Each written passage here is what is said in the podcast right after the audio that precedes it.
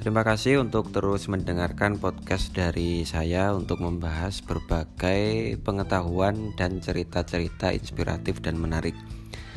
Untuk episode kali ini, waktunya kita bahas tentang dunia kuliah. Jadi, di podcast kali ini kita fokusnya berpesan atau menyampaikan beberapa hal kepada teman-teman yang baru ingin kuliah gitu. Jadi ada ya eh, termasuk saya masih aktif sebagai mahasiswa, mungkin ada pendengar-pendengar yang budiman ini yang sudah lulus, yang sudah kerja atau mungkin juga baru ingin memulai dunia perkuliahan. Nah, di sini ada beberapa hal yang ingin saya bahas supaya teman-teman bisa nggak salah jalan ya bisa lebih mempersiapkan lagi supaya kampus ini tidak menjadi medan yang membawa kita ke arah kesesatan, ke arah jurang yang dalam, ke arah apa pun yang negatif lah intinya, tapi justru membawa kita ke tangga masa depan. Jadi kira-kira kita mulai dari ya yang pertama adalah uh, sebelumnya gini ya kalau di pembahasan ini seolah-olah kita sudah sudah diterima gitu. Bukan nanti persiapan pendaftaran nanti ada podcastnya sendiri tetapi sekarang kita fokusnya ke kita berandai-andai bahwa anda sudah mendaftar sudah tes dan sudah e, terverifikasi sebagai mahasiswa baru. Artinya ini adalah sejalan setapak dikit lagi untuk masuk dunia kampus. Nah persiapan yang pertama adalah kita harus menyiapkan tempat tinggal. Ini terkhusus untuk teman-teman yang merantau dalam arti apa ya? Untuk kampus yang kita tuju kan beberapa ada yang di luar kota, ada yang bahkan di luar provinsi. Nah, ketika pengumuman itu menyatakan bahwa kita sudah diterima, maka hal pertama yang harus kita lakukan adalah kita mencari tempat tinggal, bisa ke kos, bisa kontrak, kontrakan ya rumah itu, rumah biasanya dikontrak bisa 5 sampai 10 orang. Itu ya intinya sama lah kayak kayak ngekos sama. Cuma kalau ngekos kan satu kamar bisa satu atau dua orang. Kalau kontrakan itu satu rumah full gitu. Ya saya pikir teman-teman sudah sudah tahu perbedaannya bahwa kalau kos itu kita cukup bayar misal 500 per bulan ya misalnya. Itu sudah kita bayar semuanya ya. Listrik air kita sudah tinggal make kadang di dalamnya juga ada lemari. Intinya beda harga beda fasilitas itu kalau kos. Tetapi kalau kontrak itu satu rumah katakanlah satu rumah itu harganya 20 juta setahun. Ya biasanya kalau kontrakan itu durasinya itu satu tahun atau dua tahun. Tetapi kalau kos itu bulanan. Nah untuk kontrakan ini biasanya tuh bareng-bareng nggak bisa sendiri. 20 juta satu tahun itu ya ya berat kecuali kalau anda memang anaknya sultan gitu. Tapi kalau pengalaman saya itu saya lebih merekomendasikan kos atau kontra ya sebenarnya. Cuma ya beda lagi kembali. Karena kelebihan dari kontrakan adalah itu rumah rumah satu. Dan karena banyak orang yang katakanlah lima orang berarti 20 juta dibagi 5 berarti iurannya berapa? Nah itu sudah ditinggali selama satu tahun. Bedanya adalah kalau kos itu 500 per bulan tadi itu adalah bayar listrik dan seterusnya. Tetapi kalau dikontrakan iuran 20 juta dibagi 5 itu untuk bayar rumahnya saja. Tidak bayar listrik dan air itu beda lagi. Beda lagi perabotannya beda lagi. Nah kalau kontrakan berarti per bulan kita iuran sendiri tergantung pemakaiannya. Kalau boros ya banyak tapi kalau irit ya ya dikit gitu kan kadang iurannya 20 ribu per bulan kadang bisa 50 dan seterusnya tapi juga ada alternatif lain yang harus diperhatikan Di antaranya adalah kita ikut pesantren mahasiswa. Biasanya kalau kalau teman-teman yang eh, apa teman-teman yang mungkin khawatir dengan pergaulan bebas ya karena memang di kos atau di kontrakan ini memang lebih bebas gitu kan. Nggak ada pengurus nggak ada yang apa-apa gini-gini lah. Itu kalau mungkin kita merasa ragu bahwa nanti oh kalau di sana saya mungkin jadinya nakal atau mungkin dapat pergaulan bebas ya. Karena kita nggak tahu nanti kita ngontrak atau kos itu sekamar sama siapa bersosialisasi dengan siapa. Kita harus bisa memastikan bahwa iman kamu itu memang harus kuat dulu. Tapi kalau memang kamu nggak yakin maka kamu bisa ikut ke pesantren mahasiswa. Tentu bagi yang paham ya pesantren kayak gimana tetapi pesantren mahasiswa ini beda ya. Karena pesantren ini menyesuaikan kegiatan mahasantri yang masih aktif kuliah gitu. Jadi kita masih bisa organisasi kita masih bisa kegiatan di kampus kita masih bisa ikut organisasi komunitas dan seterusnya. Tapi juga kita bisa dapat pelajaran agama di pesantren dan bisa dipastikan pergaulannya lebih lebih aman lah kalau saya bilang. Terus ada eh, apa itu alternatif lain yaitu kita ikut masjid atau musola atau suatu instansi yang di sana itu butuh seseorang untuk bantu-bantu. Dan ini biasanya gratis gini. Ini alternatif yang biasanya dipakai teman-teman yang uh, mungkin kekurangan biaya ya. Di tanah rantau ya katakanlah Surabaya, Malang dan seterusnya yang membutuhkan biaya hidup yang enggak kecil. Nah ini ada alternatif ke, uh, yang lain yaitu menjadi marbot masjid. Ini contoh ya ada banyak nih ada ikut uh, di sekolah ada yang ikut di musola dan seterusnya. Ini contohnya adalah ikut marbot masjid. Biasanya masjid itu juga nyari mahasiswa yang bersedia mengurusi masjid tersebut. Kita disediain kamar biasanya juga ada uang transport biasanya ya cuma nggak tahu beda-beda. Dan beberapa teman yang saya ketahui juga di difasilitasi makannya juga gitu. Jadi ini benar-benar membantu. Dan saya nggak tahu apakah ini ada untuk cewek tapi yang saya tahu adalah kebanyakan itu memang cowok ya. Berarti marbot cowok teman-teman cowok itu bisa memakai alternatif ini mencari tempat tinggal yang gratis. Dan bahkan juga kadang kita dapat uang saku tetapi harga yang harus kita bayar adalah kita punya tanggung jawab kita harus memastikan uh, kebersihan masjid atau musola itu tadi. Juga kalau memang diperlukan ya kita azan di sana lima waktu. Ya intinya seperti itulah kalau kalau yang saya bilang. Tapi kalau cewek ada ya teman saya itu yang yang ngajar diniyah gitu. Ngajar anak-anak kecil ya ngaji alif bata itu disediain tempat tidur juga. Kalau yang saya bilang kalau di tanah rantau itu memang biaya yang paling tinggi adalah untuk pengeluaran tempat tinggal dan makan. Ini yang paling besar gitu.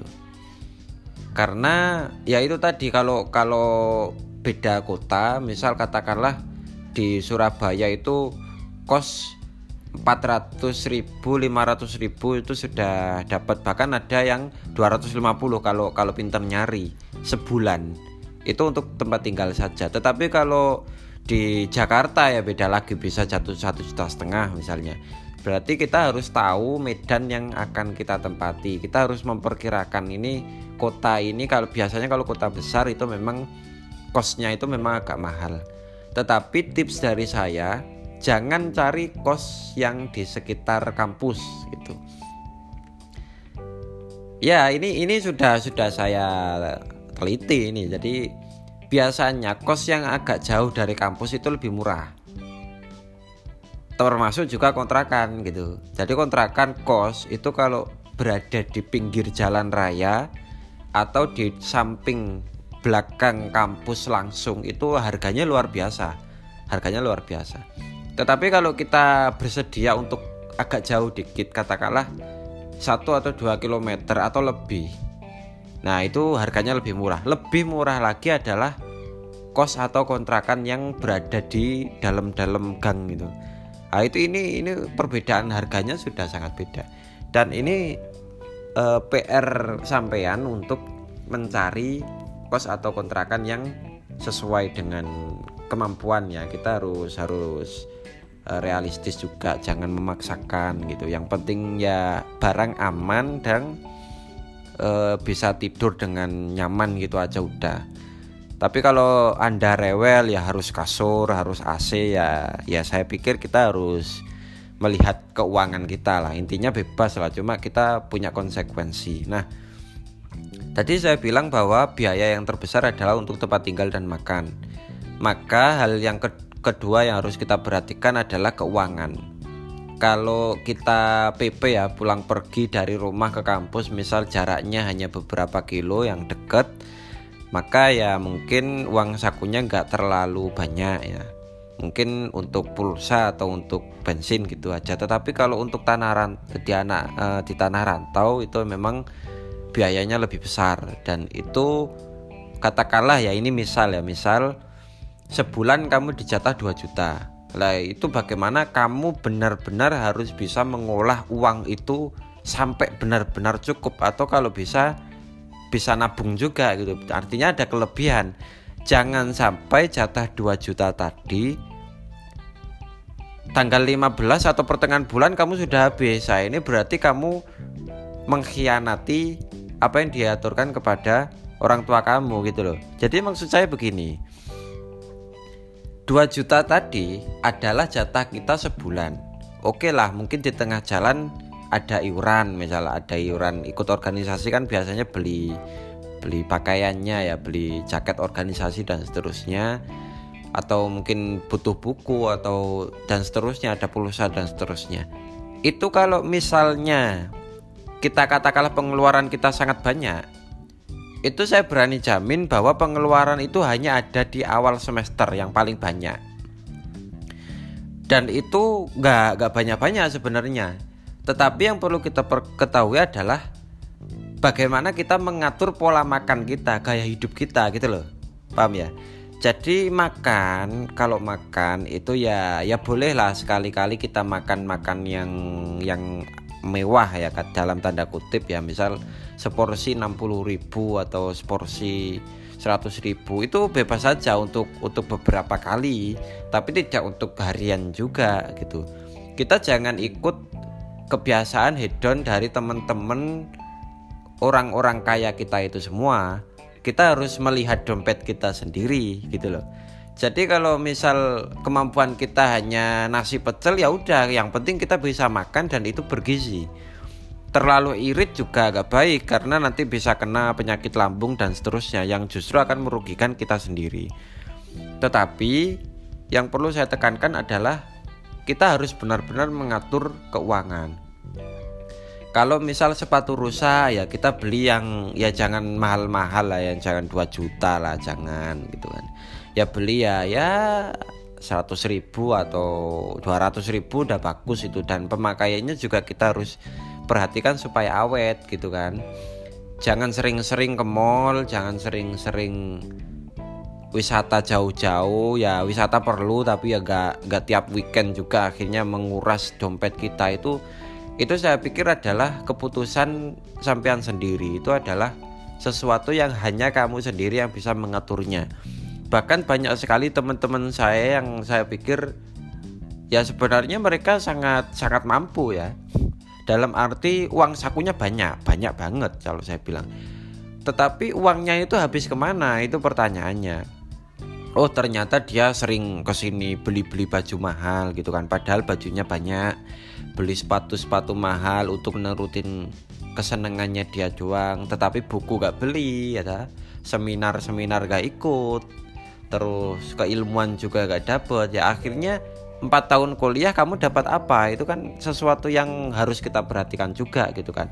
Kalau makan ya kita lihat dompet ya makan yang murah-murah ya gak apa-apa lah. Nggak nggak perlu gengsi nggak perlu nggak perlu malu. Yang penting itu kita gak sok kaya gitu loh.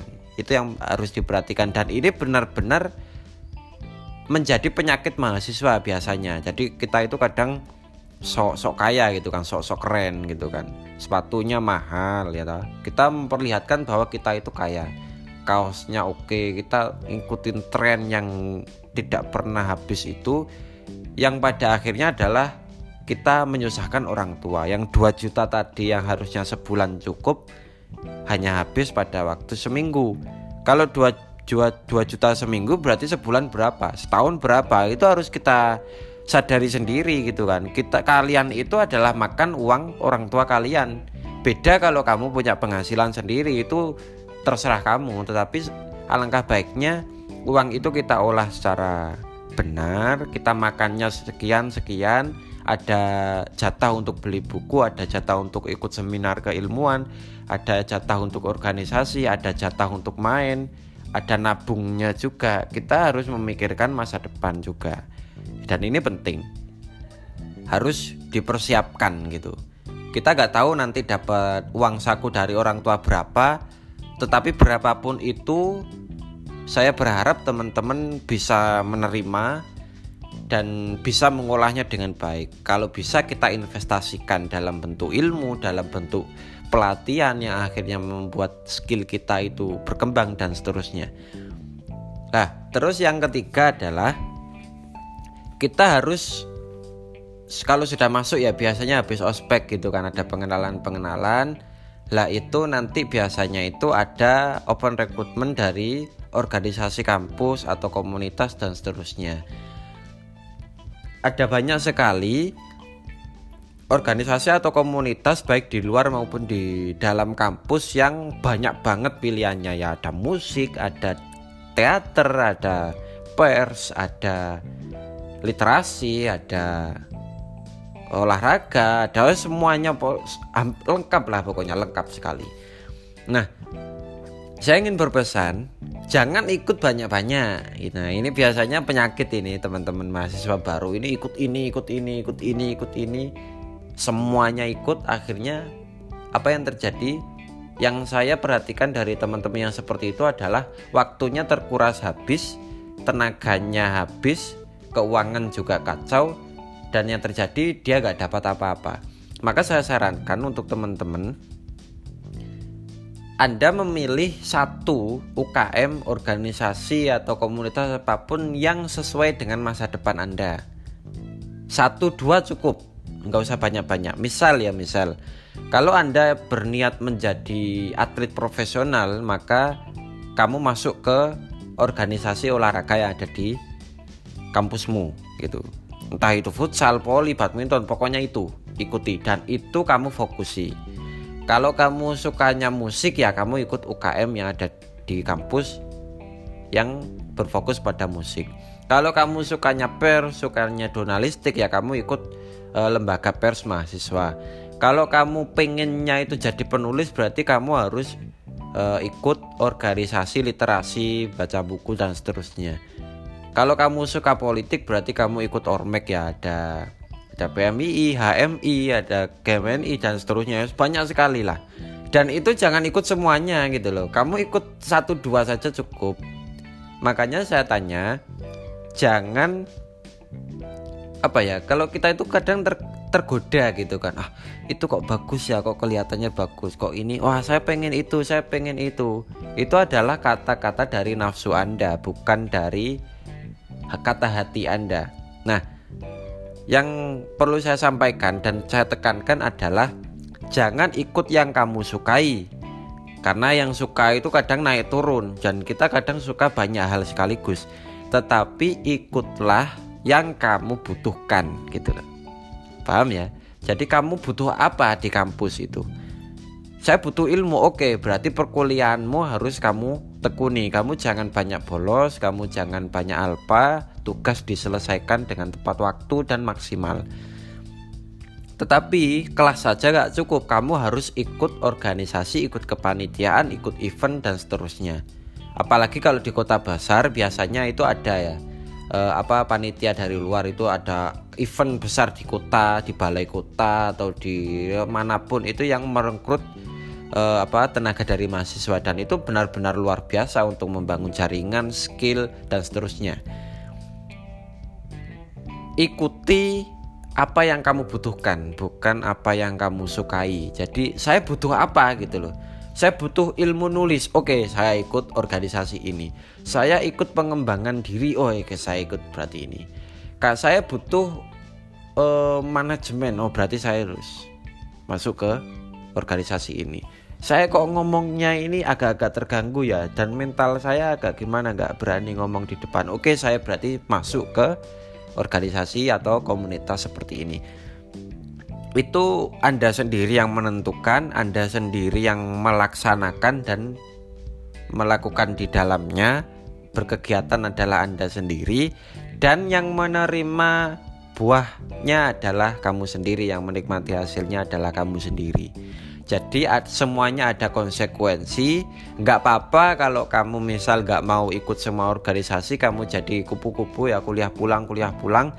Atau kamu jadi mahasiswa eh, kura-kura ya kuliah rapat kuliah rapat. Semuanya ada kelebihan dan kekurangan. Intinya adalah kamu lihat isi dompet kamu kamu ingat orang tua kamu di rumah kamu ingat apa tujuanmu masuk ke kampus ini dan kamu ingat terus pegang terus impian kamu kamu butuh apa kamu pengen jadi apa.